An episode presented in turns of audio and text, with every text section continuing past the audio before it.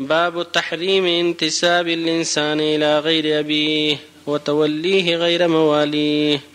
عن سعد بن أبي وقاص رضي الله عنه أن النبي صلى الله عليه وسلم قال من ادعى إلى غير أبيه وهو يعلم أنه غير أبيه فالجنة عليه حرام. متفق عليه. وعن أبي هريرة رضي الله عنه عن النبي صلى الله عليه وسلم قال لا ترغبوا عن آبائكم فمن رغب عن أبيه فهو كفر. متفق عليه. وعن يزيد بن شريك بن طارق قال رأيت عليا رضي الله عنه على المنبر يخطب فسمعته يقول لا والله ما عندنا من كتاب نقرأه إلا كتاب الله وما في هذه الصحيفة فنشرها فإذا فيها أسنان الإبل وأشياء من الجراحات. وفيها قال رسول الله صلى الله عليه وسلم المدينة حرم ما بين عير إلى ثور فمن أحدث فيها حدثا أو آوى محدثا فعليه لعنة الله والملائكة والناس أجمعين. لا يقبل الله منه يوم القيامة صرفا ولا عدلا. ذمة المسلمين واحدة يسعى بها أدناهم. فمن أخفر مسلما فعليه لعنة الله والملائكة والناس أجمعين. لا يقبل الله منه يوم القيامة صرفا ولا عدلا. ومن ادعى إلى غير أبيه أو انتمى إلى غير مواليه فعليه لعنة الله والملائكة والناس أجمعين. لا يقبل الله منه يوم القيامة صرفا ولا عدلا. متفق عليه. وعن أبي ذر رضي الله عنه أنه سمع رسول الله صلى الله عليه وسلم يقول ليس من رجل ادعى لغير أبيه وهو يعلمه إلا كفر ومن ادعى ما ليس له فليس منا وليتبوأ مقعده من النار. ومن دعا رجلا بالكفر أو قال عدو الله وليس كذلك إلا حار عليه. متفق عليه. وهذا لفظ رواية مسلم. وبالله التوفيق. الحمد لله.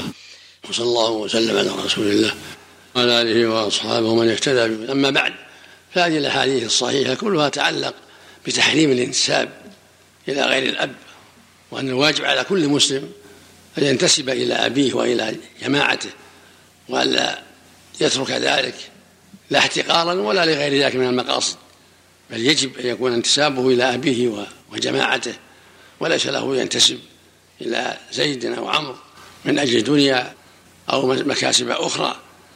ولهذا توعد صلى الله عليه وسلم في ذلك في هذه الأحاديث الصحيحة من ادعى إلى غير أبيه وهو يعلم أنه غير أبيه فعليه لعنة الله والملائكة والناس أجمعين. وهذا وعيد شديد. في اللفظ الآخر فالجنة عليه حرام. وفي لفظ إنه كفر.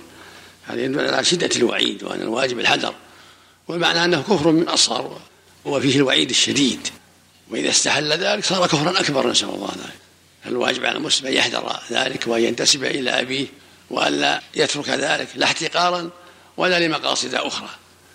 بعض الناس ينتسب إلى عمه أو إلى زيد لأجل الجنسية لأن عمه مشهور أو ابن عمه مشهور ينتسب إليه حتى يعطى الجنسية في البلد التي هو فيها. وهذا منكر عظيم نسأل الله. وبعضهم يحتقر أباه وينتسب إلى غير أبيه من أجل الدنيا. ينتسب إلى إنسان معروف حتى يوظف أو حتى يعطى كذا أو حتى يعمل له كذا. كل هذا منكر عظيم. فالواجب على المسلم أن يحذر ذلك. وهكذا مواليه. إذا كان من مطير ما يقول أنا من عتيبة وإذا كان من قريش ما يقول أنا من غير قريش. وإذا كان من غير قريش لا يكون أنا من قريش. ينتسب إليهم ويكذب. أو معتقيه عتيق قد اعتقه. قريش لا ينتسب إلى غيرهم. اعتقه مطير لا ينتسب إلى غيرهم. اعتقه فلان لا ينتسب إلى غيره. إلى مواليه. في هذا الوعيد من انتسب إلى غير مواليه فإذا أنت الله والملائكة والناس أجمعين. هذا وعيد عظيم يفيد الحذر. من هذه الخصلة الذميمة. فالواجب على المؤمن ينتسب إلى أبيه وإلى مواليه وحمولته وقرابته ويحذر خلاف ذلك كما حذره النبي عليه الصلاة والسلام؟ وفق الله الجميع. الانتساب إلى الجد كذلك؟ ما يجوز. ينتسب إلى أبيه.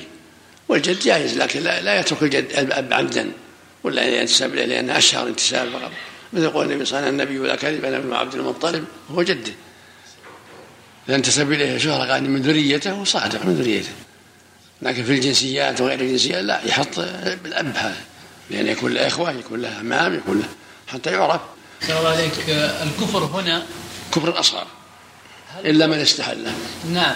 في هذا الباب وفي غيره من الأبواب إذا أطلق الكفر والمراد الكفر الأصغر نعم. هل هو أكبر من الكبائر نعم. جميعها؟ عند أهل العلم الشرك الأصغر وكفر الأكثر أكبر من الكبائر نسأل الله. جميعا. جنس الكفر أعظم من جنس العصر أحسن الله. أحسن الله إليك. هل يجوز أن ينتسب إلى عمه بحجة أنه اللي رباه لا ما ينتسب. وعاش عنده من صغره ينتسب إلى أبيه بس.